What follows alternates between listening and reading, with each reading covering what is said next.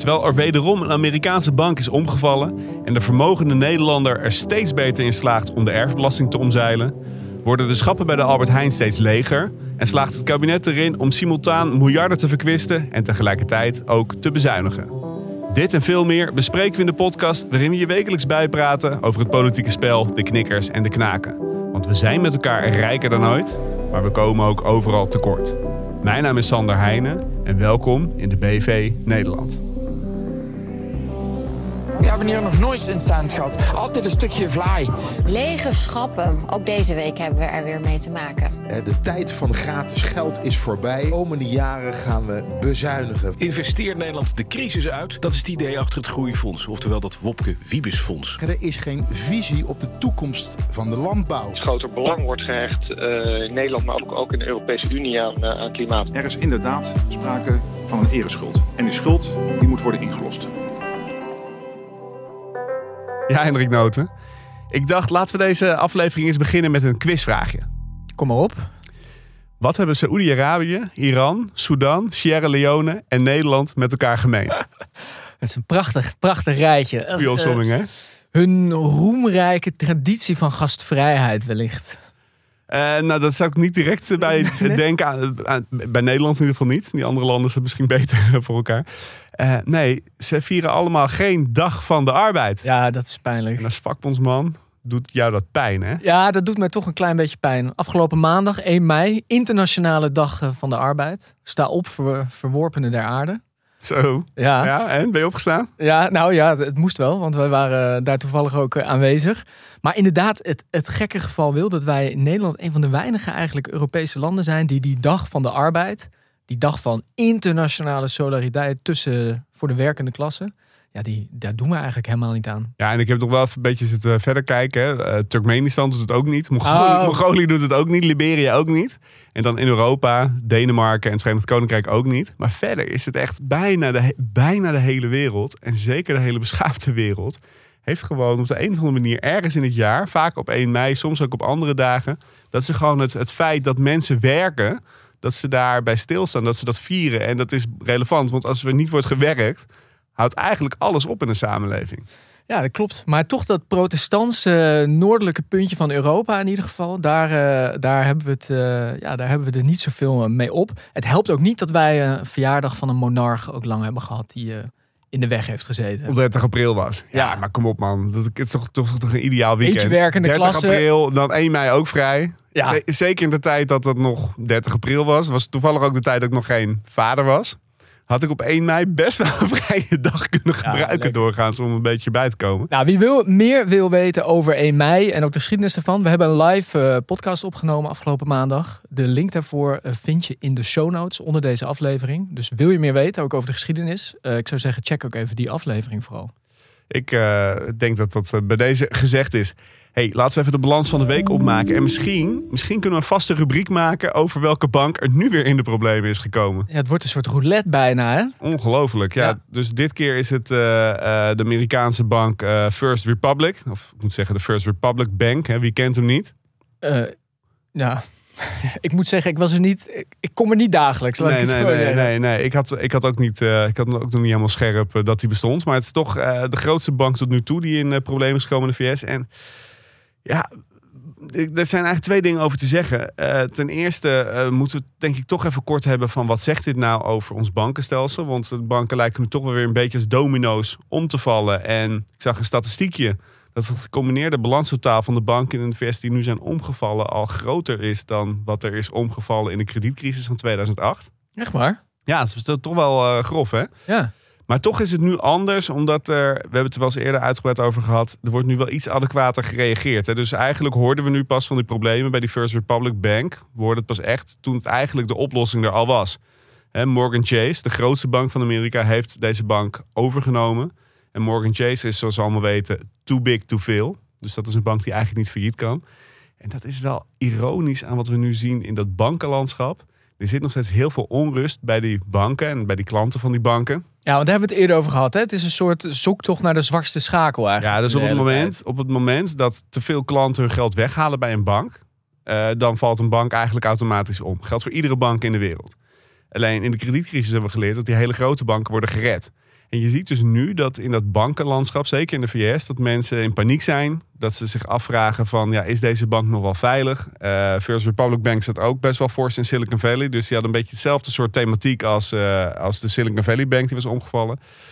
Maar een andere les van de kredietcrisis was dat banken eigenlijk niet too big to fail mogen zijn. Want dan kunnen ze alle risico's nemen en moeten ze toch worden gered door de belastingbetaler. Precies, dan worden ze te machtig. En je ziet dus nu dat mensen eigenlijk massaal weglopen van kleine banken naar grote banken. Daardoor komen die kleine banken in de problemen. En die grote banken, en dat is dan misschien het goede nieuws, die grijpen nu wel zelf in. Waardoor de overheid niet hoeft in te springen door die kleine banken over te nemen. Beetje op aandringen van de overheid ook, hè? Weet je wel, ja. Maar niet helemaal, want eh, er was een, wel een veiling. Dus hebben zes banken opgeboden. Alleen ja, de grootste bank met de diepste zakken... en die misschien ook wel het meeste risico kan nemen... omdat als die failliet gaat, gaat het hele systeem omver.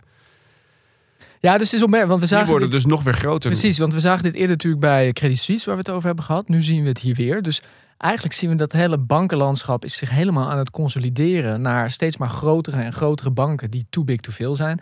Je vraagt je dan toch een beetje af, moet het dan niet gewoon maar allemaal publiek zijn? Want nu wordt het wel heel gek. Dat is natuurlijk eigenlijk de enige oplossing. Ja. Dus als we niet willen dat er van die grote commerciële banken zijn... Ja, dan moet je dat dus toch publiek gaan organiseren. Eh, alleen het politieke debat is nog niet daar. Nee. Oké jongen, ehm, ben jij bij de supermarkt geweest eh, recent? Ja, toevallig gisteravond. En, hoe zag het eruit? Eh, keurig. Keurig. Ja, maar Volle schappen. ja, volle schappen. Ja. Oh, nou, was het Albert Heijn? Dit was er ook, eh, ja, het was die blauwe, die blauwe reus. En het was de Albert Heijn. Ik had me voorbereid op het ergste, maar toevallig bij mij eh, valt het, eh, viel het wel mee. Ja, Voor de mensen die dus zoeken, eh, oostelijke eilanden, Albert Heijn daar. gaan we allemaal, even. De, de Hamsterdagen zijn nu daar. eh, Daar je courgettes halen. ja, heel goed. Nee, maar even, want, want schets even wat is er aan de hand. Nee, nou, er wordt gestaakt. Er wordt gestaakt eh, bij de Albert Heijn, eh, eigenlijk al een tijdje. En wat specifieker, niet eh, in de winkel zelf, maar er wordt gestaakt in de distributiecentra van de, van de Albert Heijn. Eh, en dat is volgens mij het is een heel klassiek conflict. Het gaat echt over loon. Het is dus ook, het gaat eigenlijk helemaal niet om een hele grote groep eh, medewerkers. Hè. In de supermarkten werken natuurlijk heel veel mensen.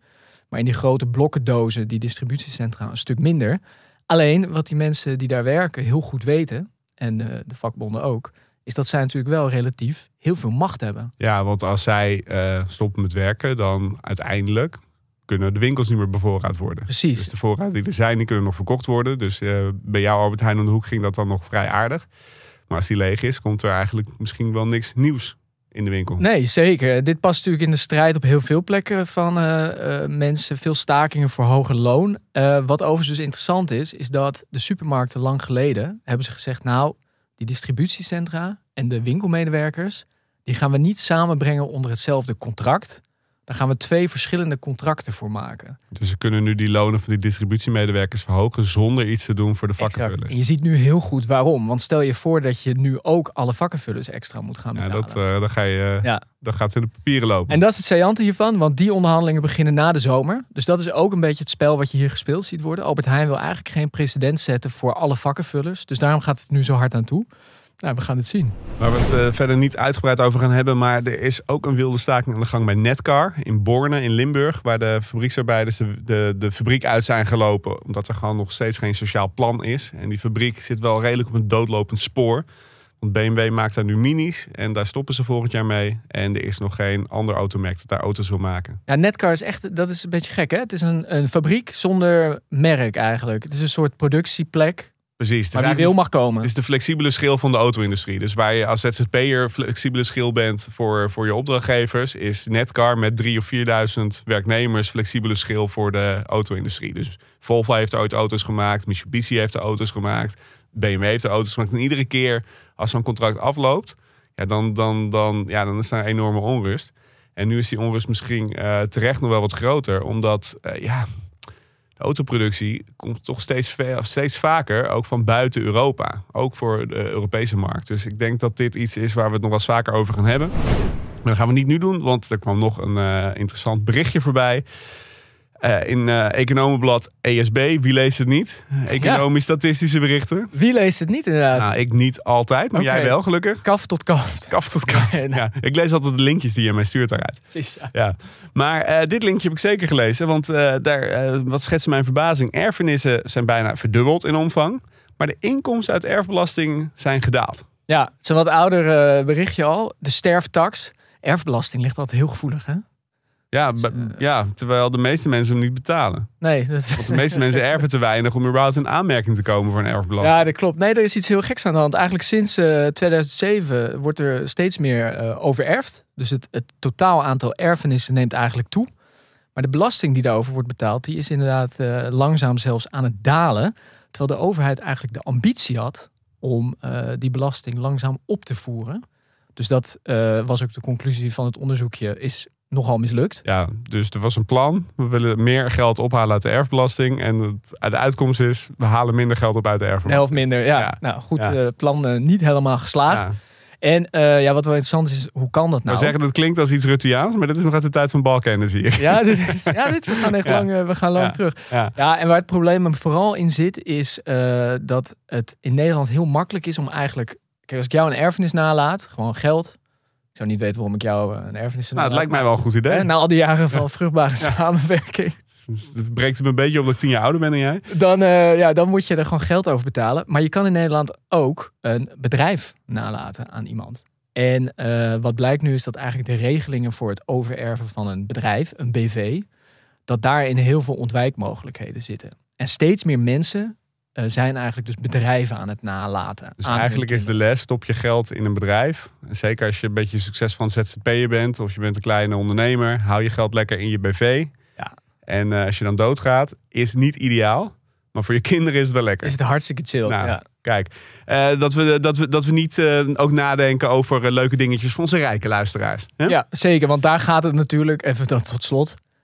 Het, die ontwijking zit echt bij de allerrijksten. Ja, dat, dat is waar de dat bulk van het geld Dat zit. zijn niet de mensen die eh, 40.000 euro erven. Die betalen nog steeds evenveel belasting als voorheen. Ja, Ja. en vrij weinig eigenlijk ook, Ja. toch? Ja. Ja. Oké jongen, Ehm, laten we gaan eh, hebben over waar we deze week over moeten hebben. En normaal pakken we twee eh, onderwerpen. Alleen we zitten elkaar dan een beetje te appen zo van tevoren. Weet je wel, waar wil jij het over hebben, waar wil ik het over hebben. En toen appte ik jou. Zullen we het gewoon eens hebben over die miljardenfondsen die het kabinet overal maar tegenaan knalt. De 22 miljard voor Groningen, 24 miljard voor de boeren, 28 miljard voor het klimaat. Nou, eerder hadden we al het Nationale Groeifonds van een miljard of 20, 21. Verliest bijna zijn betekenis, hè? Zo. Nou ja, het is- als je het bij elkaar optelt. Ja, het zijn, 100 miljard. het zijn eh, serieuze bedragen, eh, zou ik maar zeggen. Ehm, maar toen appte jij mij. Ja, ik eh, wil het eigenlijk helemaal niet hebben over hoeveel geld we aan het uitgeven zijn. Ik wil het eigenlijk hebben over dat de bezuinigingen terug van weg geweest zijn. De broekriem. Het is ongelooflijk hoe die twee dingen dan bij elkaar komen. Ja, potje armtje drukken. Waar gaan we het nou over hebben? Ja, Toch proberen het allebei te doen. gaan we het eh, door elkaar proberen te vlechten? Ja, we gaan een poging doen. We horen wel eens dat de informatiedichtheid bij ons vrij hoog is. Dus ik zou zeggen, eh, stop met wat je aan het doen bent. Concentreer je, want we gaan er weer eh, vol gas in. Ja, want ik krijg de laatste tijd echt weer een beetje van die 2010 vibes. Ik weet niet hoe dat met jou zit. Gewoon een beetje zo dat, dat Jeroen Dijsselbloem gevoel. Ja, Ik weet niet wat voor gevoel. Nou, ik weet trouwens wel wat voor gevoel dat Ja, wat voor gevoel is dat, dat? bij jou nee, nee, nee, ik ben wel even benieuwd. Wat is jouw 2010 vibe? Ja, gewoon weer dat, dat, dat, dat eurocrisisgevoel, dat 3% norm bezuinigen. We moeten. Heb jij dat toen echt zo ervaren? Want ik begon toen, ik begon in 2010 op de economieredactie van de Volkskrant. Dus ik zat daar middenin. Jij was volgens mij 19. Jij was toch gewoon alleen maar bier aan het Ja, drinken dit- en aan het potverteren? Ik denk niet? dat dit. Ja, ik was, ik was een oude ziel, hè? Ik was al heel vroeg was ik erbij. Nee, ik denk dat. op eh, Proest te lezen en eh, zeker, ja, ja, ja. Gewoon ja, op somber over de toekomst van de wereld. Nou, ja. ik zat in de hoekje van de soos een beetje proest te lezen. En dat, eh, nee, dat ging me goed af. Met een glaasje cola light. Ja, ja. nou, maar even zonder geheim. Want de afgelopen weken, je kan eh, mij belachelijk maken. Zeker. Het was wel weer echt te horen vanuit het kabinet en coalitie. Ik doe even een paar quotes. De tijd van gratis geld is voorbij. Hé, jammer. We moeten weer binnen onze marges gaan leven. Sigrid Kaag in NRC afgelopen weekend in een interview. Eh, we ontkomen er niet aan de broekriem aan te halen. En het huishoudboekje moet op orde. Kijk, daar is hij. Het Ja, huishoudboekje. En je weet als het huishoudboekje op tafel komt. Ja, dat gaat pijn doen. Dan zijn we echt eh, serieus eh, zitten we dan in de shit. Die bezuinigingen zijn terug van weg Ja, geweest. want hoe zit dat? Waarom is dat nu opeens? Nou, afgelopen week kwam de voorjaarsnota kwam uit. En dat is normaal eigenlijk is dat niet zo'n heel relevant ding. We hebben altijd heel veel aandacht voor de miljoenennota in Nederland. Dat is gewoon de, de, de, de rijksbegroting voor het jaar. Dat is Prinsjesdag. Dat is, eh, de goud, nou, ik wilde zeggen goud koetje, maar dat is niet meer. Glazen koetje. Oh, dat is een glazen koetje. Ja, ja. Beetje zijlijntje. Maar eh, Ja, we de niet, gouden eh, koets die afwandelen. staat in het museum. Hè? Ja. Ehm, Maar de voorjaarsnota dat is eigenlijk gewoon een update op die begroting. Hè? Ja, dat is eigenlijk hoe, ga, we hebben, hoe gaat het met de lopende plannen? Even Blijven we een beetje binnen de... Meevallers, tegenvallers. Precies. Ja. En moet er wat bijgestuurd worden? Nou, en wat blijkt? Nou ja, en wat blijkt, het kabinet vindt dat er eh, bijgestuurd moet worden. Ehm, en dat is eigenlijk wel voor het eerst in een hele lange tijd. En daarmee is het ook wel een uniek moment. Wat vooral gewoon blijkt, is dat het kabinet met een aantal tegenvallers te maken heeft. Ja, want even nog heel kort. Het kabinet vindt dat niet zomaar. Dat is schijnt gewoon de Europese begrotingsregels om binnen de 3% begrotingstekort te blijven. Dus we moeten ook bijsturen, toch? Ja, nou over die moeten-vraag moeten we denk ik zo meteen even hebben. Maar het kabinet gebruikt graag die begrotingsregels om in ieder geval bezuinigingen aan te Ja, kondigen. oké. nu. Zou ik wel willen Om, zeggen. eh, om zichzelf te tuchtigen. Ja, om- daarmee, ja. En daarmee eigenlijk een heleboel mensen in dit land. Ja, Ja, en daarmee eigenlijk ons ook. Eh, er zijn eigenlijk twee problemen. Eh, er zijn een aantal tegenvallers. Ja, zoals? Zoals eh, asiel, om er maar eentje te noemen. Een beetje duur geworden, hè? Ja, we, Opvangen in hotels en cruiseschepen. Is toch duurder dan die permanente locaties die hebben, ze we het gesloten natuurlijk, hebben. eh, hebben we het natuurlijk eerder over gehad. Ongelooflijk. Sorry, maar ik, even tussendoor. Ik kan me er zo kapot aan gecreëerd, Ik me er zo kapot aan. Ja. We hebben die hele infrastructuur die we hadden. ik kwam, toen ik voor de krant werkte, kwam ik ook regelmatig in asiel. Nou, ik- ben twee keer in een asielzoekerscentrum geweest. Ik corrigeer mezelf. Ja, het is geen borrelpraat, het is een podcast. Ja, hè? precies. Nee, een serieuze precies, podcast. Precies, dus eh, ik kan om woorden gevangen worden. Nee, dat, dat zat in oude kazernes, in oude schoolgebouwen. Eigenlijk in afgeschreven gebouwen die dan nog jaren daar structureel dienst voor konden doen. Die douches hadden, die gewoon waar wat voorzieningen in zaten. En het was allemaal niet royaal. Maar je kon wel zien, het was ook niet zo duur. Ja, En je kon daar mensen wel menswaardig opvangen. ja. En nu, dat is allemaal wegbezuinigd. Omdat er eventjes een jaar geen asielzoekers waren, een paar jaar terug. En nu zitten ze dus in die noodopvang. Dat zijn hotels die worden afgehuurd. cruise- Cruiseschepen die worden neergelegd op afgelegen locaties. Gewoon allemaal van die Ja. peperdure oplossingen. Ja, en dat vind ik het pijnlijke hieraan. Dan, dan eh, gaan we door. Is dat je ook heel erg ziet in de presentatie van waarom moeten we bezuinigen. Ging het over die tegenvallers asiel. En dan zie je toch een beetje, bijvoorbeeld in zo'n telegraaf, dat daar heel erg wordt geschreven. Want de instroom is zoveel hoger dan verwacht. Ja, Terwijl dat echt niet, maar we hebben er een hele aflevering over gemaakt, niet de hoofdoorzaak van die kosten is. Maar dat, ja, ja. goed. Frustratie. We moeten, we moeten bezuinigen omdat de Telegraaf Mark Rutte ooit groot eh, geschreven heeft. Ja, als, Eigenlijk- als we het gaan hebben over de historische schuld van de Telegraaf, dan eh, kunnen we een De andere de aflevering, Telegraaf. we een andere Ja, aflevering over maken. ja zeker. Ehm, en de rente stijgt. Daar heeft iedereen natuurlijk last van. Eh, als je bijvoorbeeld nu een huis wil kopen voor je hypotheek. Eh, maar de overheid voor de staatsschuld ook. Precies, want we hebben honderden miljarden aan staatsschuld uitstaan. Ja. En de rente was nul of negatief. Dus dat was lekker goedkoop. Ja, en die stijgt nu een beetje. Precies. En dat werkt dan technisch zo. Je moet eh, leningen die lopen af. En dan moet je ze eh, verlengen en opnieuw afsluiten. En als er opnieuw een lening wordt uitgegeven, afgesloten, dan zit je met die hoge rente. Dus de komende jaren gaan we eigenlijk iedere begroting zien, zolang die rente blijft stijgen, dat er weer extra tegenvallers zijn op die staatsschuld. Omdat er steeds meer leningen aflopen en opnieuw gefinancierd moeten worden. Dus dat gaat een terugkerend ding worden de komende tijd. Dus eh, ik wil niemand eh, de put in praten, maar zet je maar alvast schrap.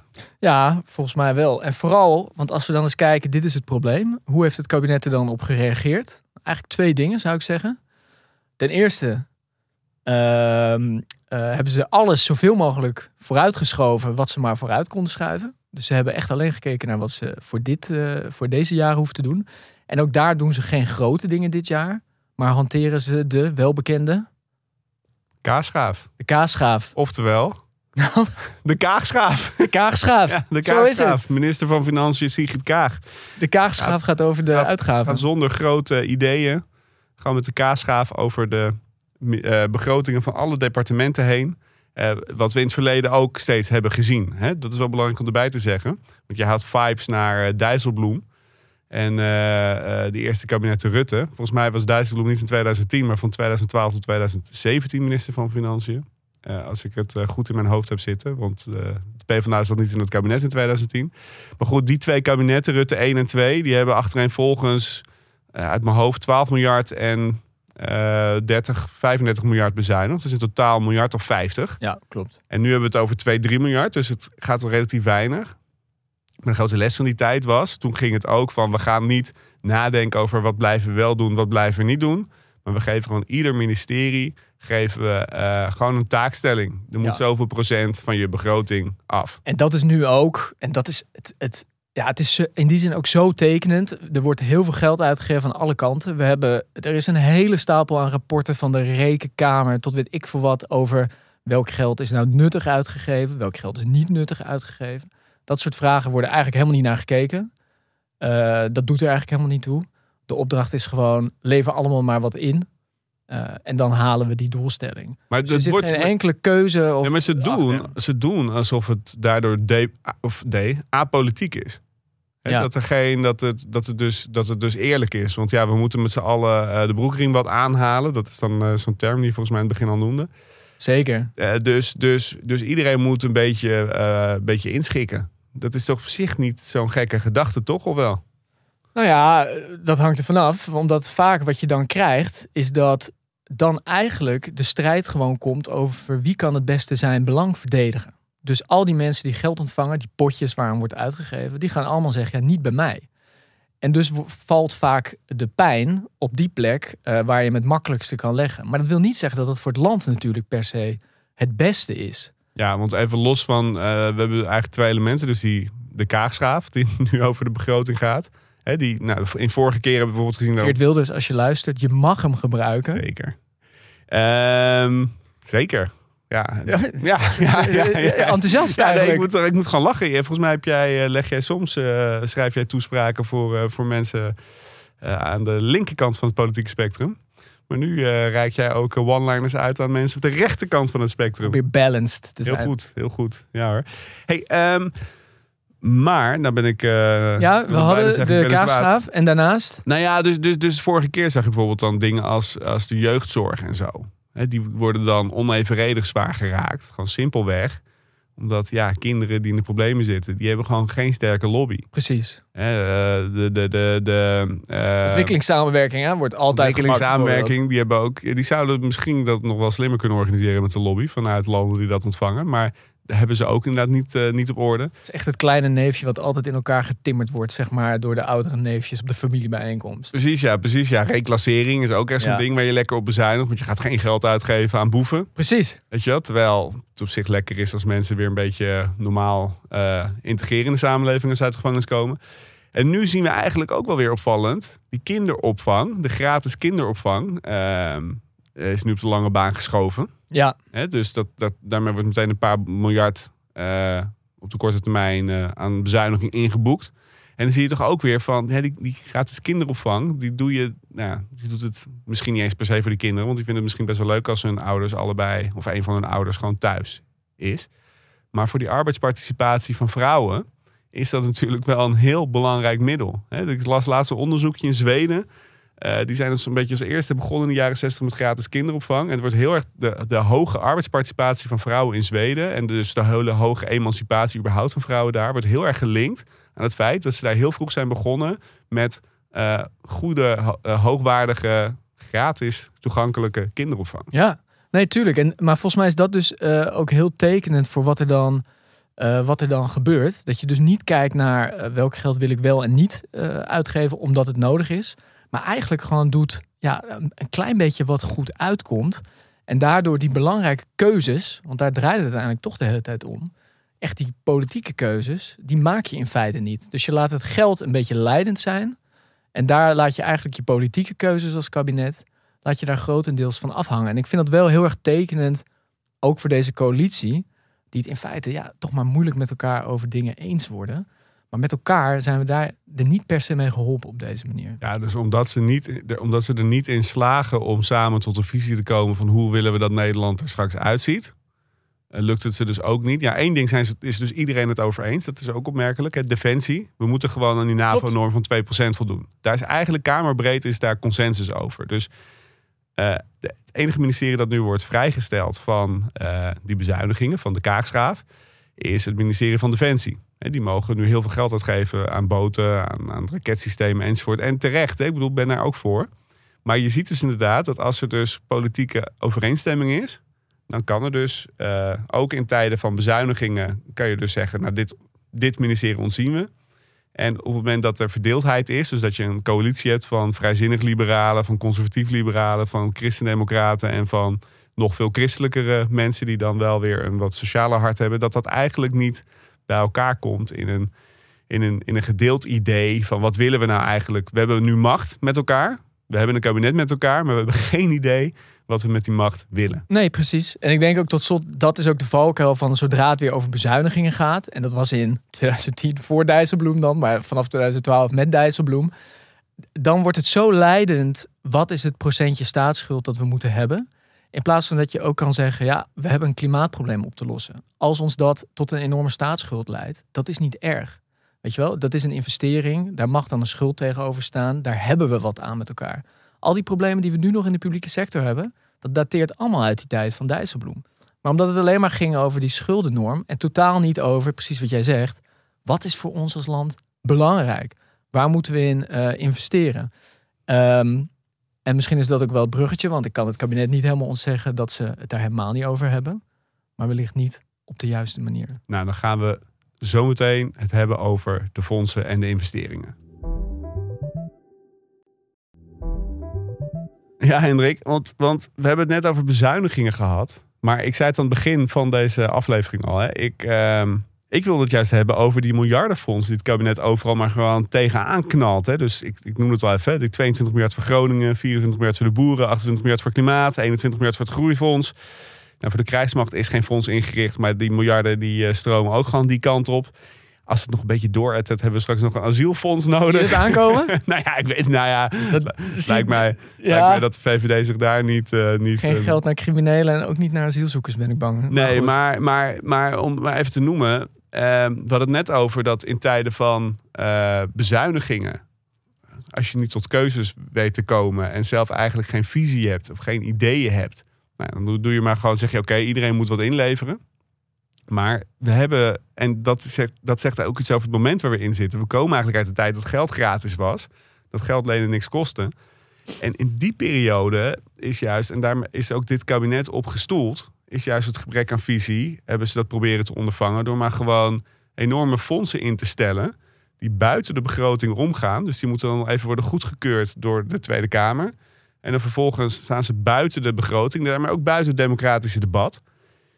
En dan uh, kunnen sectoren of, of regio's kunnen miljarden verdelen. En dan ben ik een heel groot voorstander van publieke investeringen. Als we die slim inzetten, dan kan je namelijk echt het land heel veel mooier maken.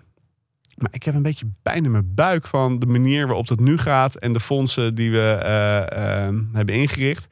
En het leek mij nou leuk om eens even met jou langs te lopen waar die buikpijn van mij vandaan komt. Ja, dat lijkt me ook goed. Want mijn eerste reactie hierop was eigenlijk, ja, dit is toch fijn?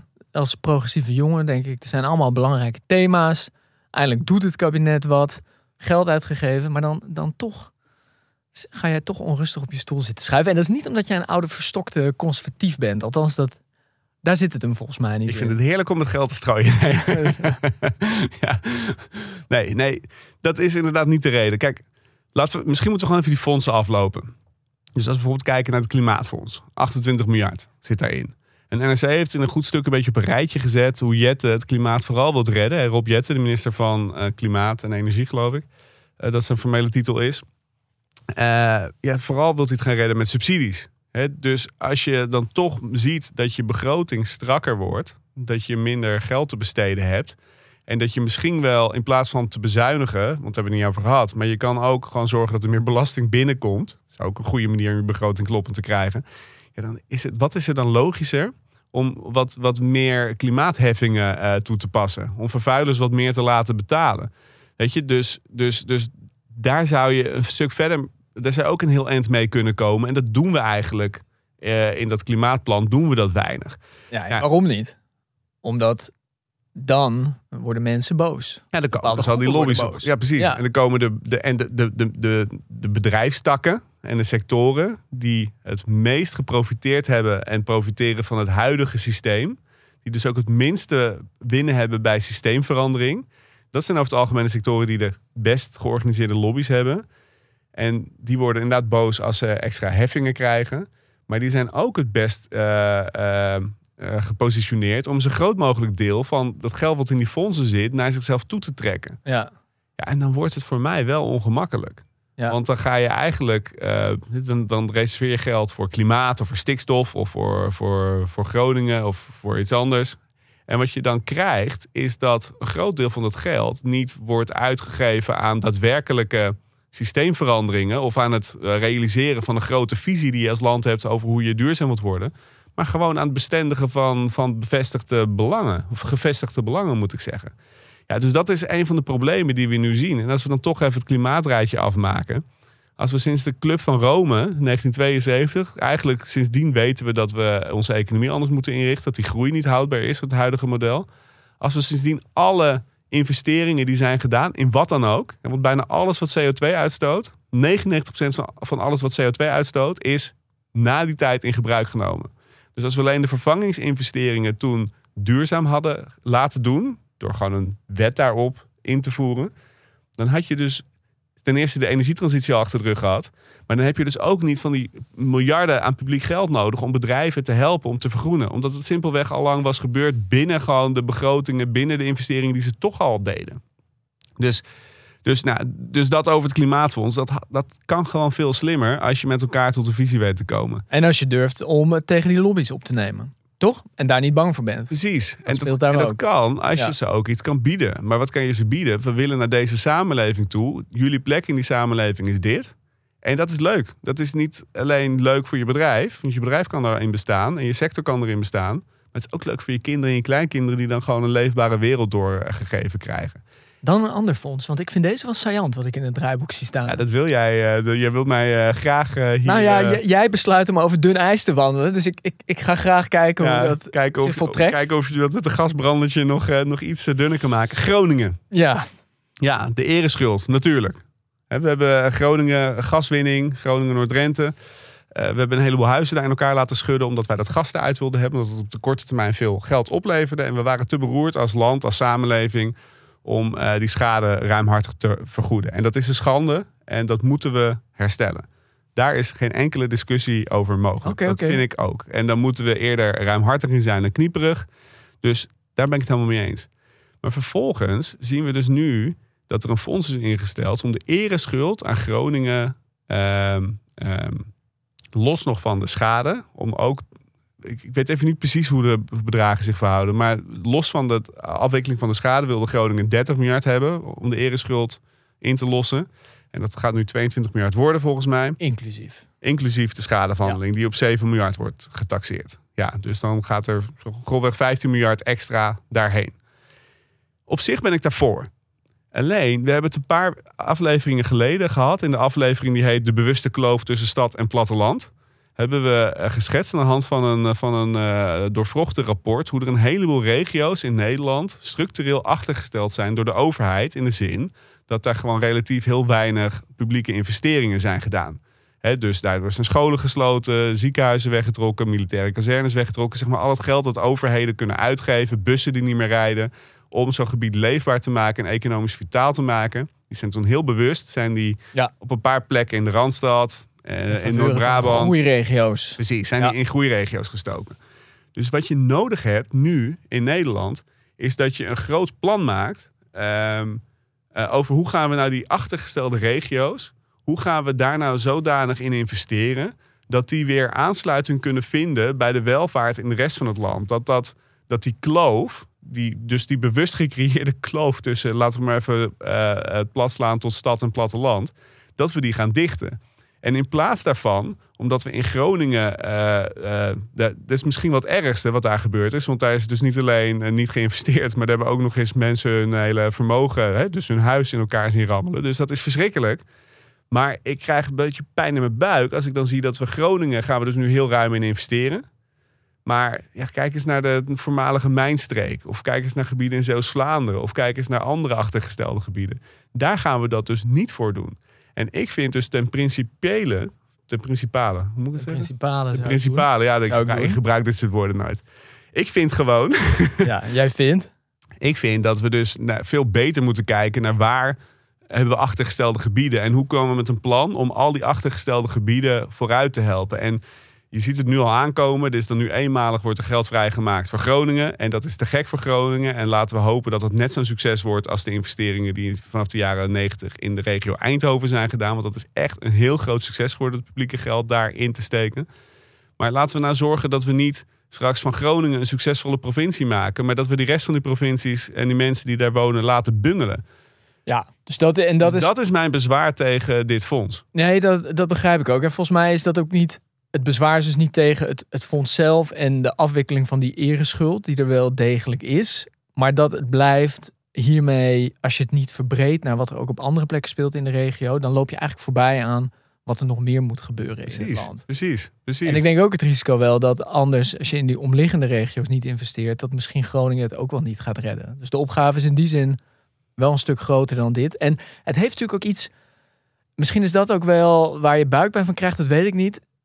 Die ereschuld die moet dan ingelost worden, maar het kan ook een aflaat zijn als je niet oppast. Ja, Dus dat je als Rijksoverheid zegt: hier is weer het geld, hè? net zoals eigenlijk bij al die andere potten. ja, nu verder gewoon stoppen met zeuren. Ja, nu stoppen met zeuren. Ja. En de regio eigenlijk ook. Want wij hebben de middelen nu toch beschikbaar gesteld. En, en dat zou denk ik een heel verkeerd... Ja, heel verkeerde dynamiek zijn als je daarin terechtkomt. Precies, precies. Oké, eh, nou laten we het maar niet meer over stikstof, met oog op de tijd, niet meer over het stikstoffonds hebben. Eh, daar kan ik namelijk ook nog wel een tijdje over renten, maar dat eh, komt vast nog wel vaker voorbij in deze podcast. Maar we moeten even, denk ik, een soort van ja, slotsom tot de slotsom komen wat dit nou zegt over onze tijd.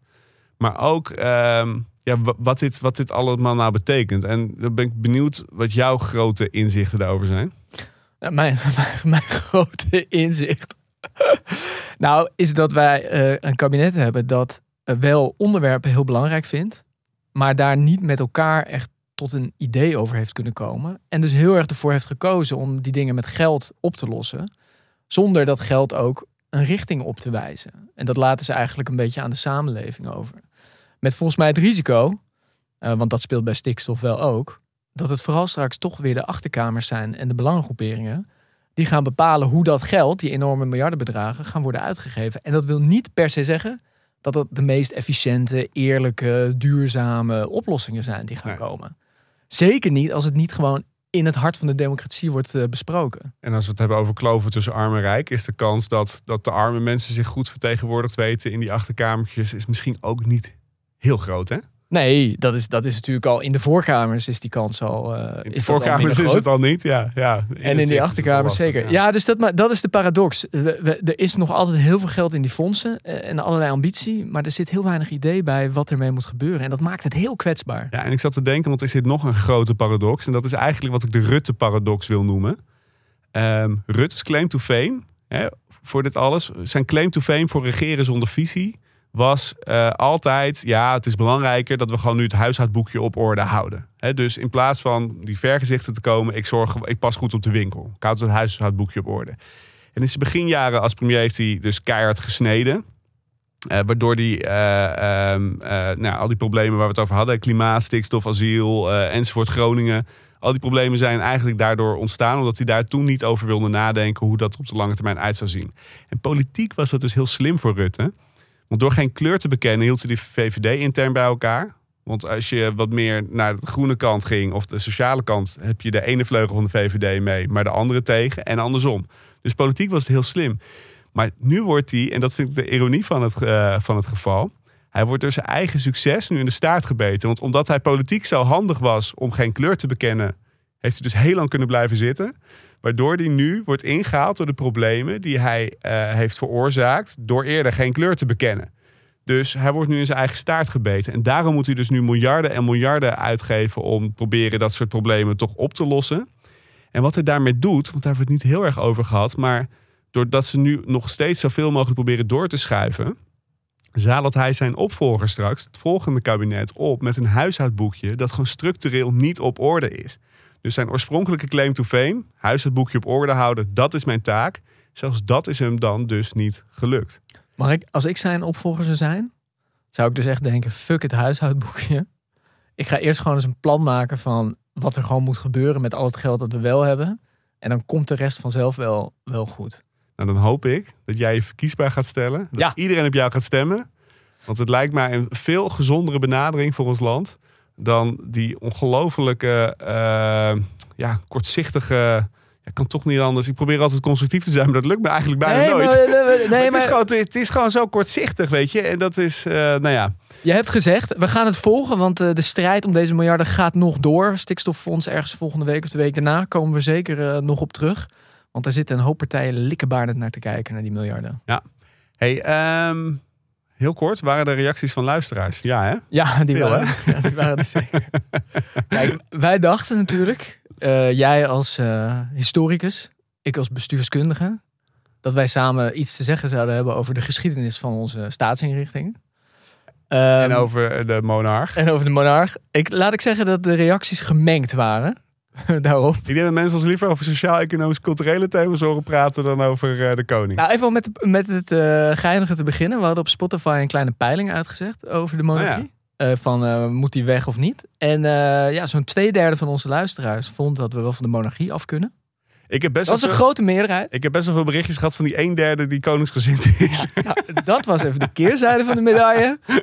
Aan die andere een derde zeg ik, eh, we, hebben jullie, eh, we hebben jullie gehoord. nou, zeker. Dus eh, we, we hebben het vandaag weer gewoon lekker eh, gehad over Mark Rutte. Waar Echt wel. eigenlijk niemand meer voor is. Nee, nee en echt wel een eh, money eh, zware aflevering vandaag. Zeker. Wel goed misschien. Zeker. Hey, eh, maar eh, omdat het toch zo'n money zware aflevering is geweest, is het toch heel fijn dat we nu de vrolijke noot horen aankomen. Ja, ik heb er weer eentje. Eh, plastic tasjes. Plastic tasjes. Plastic tasjes, ja. Goed nieuws. Eh, nog niet zo heel lang geleden werden plastic tasjes eh, belast. Ook in Nederland, hè, bij de supermarkt. Vroeger kreeg je die gratis, tasje erbij. Tegenwoordig moet je ervoor betalen. Meer dan 100 landen eh, ter wereld hebben dit inmiddels. En het begint zijn vruchten af te werpen. Dus er is een hele sterke trendmatige, trendmatige daling in het aantal plastic tasjes dat in de natuur eh, wordt gedumpt, in de zee uiteindelijk terechtkomt. En we zien het steeds minder, minder en minder worden. En eh, activisten vinden dat een hele positieve ontwikkeling. Nou, in eh, dat geval snap ik dat jij daar vrolijk van wordt. Geslaagd plannetje dus. Oké jongen, dan gaan we daarmee afsluiten. Maar niet voordat je hebt gezegd dat... Dank voor het luisteren. Volgende week zijn we er weer. Mocht je nog niet geabonneerd zijn, doe dat dan. Dan ben je meteen op de hoogte van die nieuwe aflevering. Heb je vragen, opmerkingen? Vind je dat we het ergens over moeten hebben? Eh, mail dan bijvoorbeeld naar bvnederland.creator-podimo.com. Dat klinkt raar, maar het staat ook in de show notes. Eh, of zoek ons even op, social media. Instagram bijvoorbeeld, BV Nederland. Of op LinkedIn, Hendrik Noten, Sander Heijnen. Vond je het tof? Eh, help ons dan een beetje en deel deze aflevering vooral ook met anderen die ook zouden moeten luisteren. Daarmee gezegd, tot volgende week. Tot volgende week jongen.